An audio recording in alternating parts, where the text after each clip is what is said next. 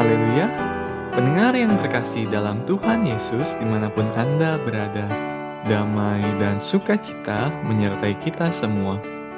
Renungan Sau Bagi Jiwa yang disajikan Gereja Yesus Jati berjudul Seperti Orang yang Bermimpi.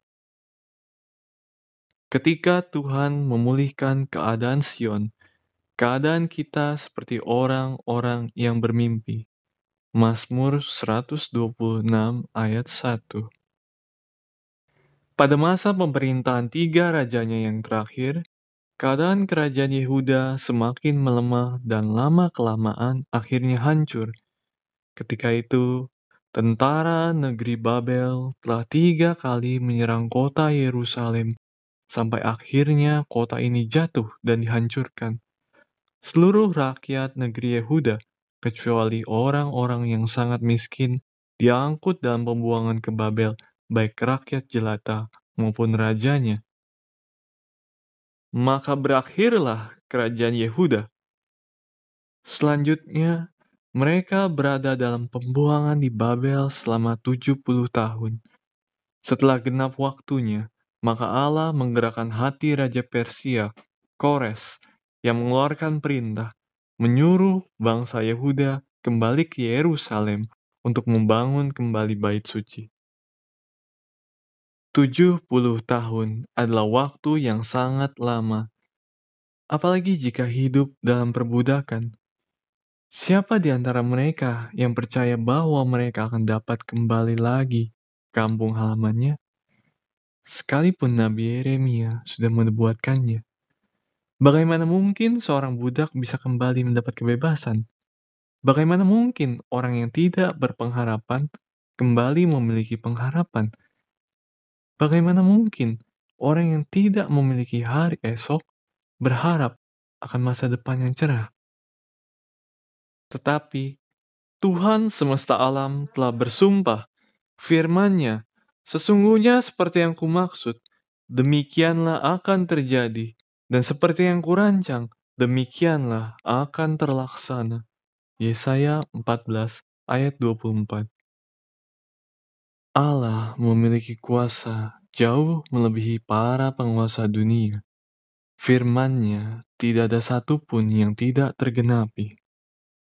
70 tahun kemudian, firman Allah benar-benar terjadi. Bangsa Yahudi berbondong-bondong menapak perjalanan pulang ke kampung halaman mereka, Yerusalem. Sebuah perjalanan yang begitu panjang dan jauh, tetapi mereka jalani dengan begitu ringannya. Bagi mereka, keadaan ini laksana mimpi, seperti jauh dari kenyataan.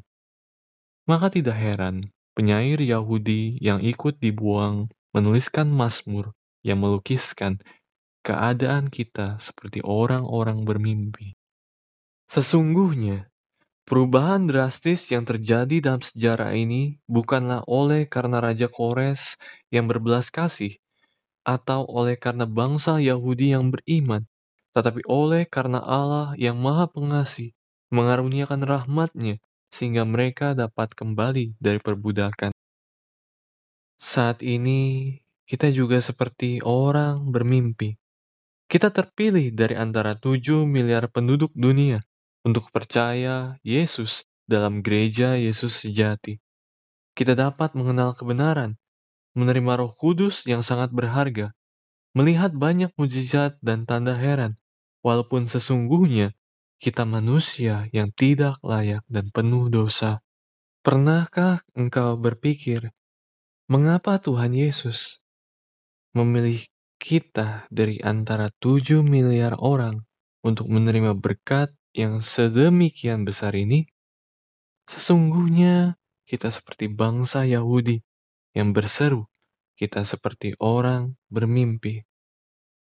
Marilah kita selalu mengingat akan kasih karunia Tuhan ini, sehingga kita senantiasa bersyukur dengan rela bekerja bagi Tuhan dan tidak pernah merasa lelah, bergiat untuk Tuhan tanpa merasa susah, dan rela menderita bagi Tuhan tanpa merasa gundah.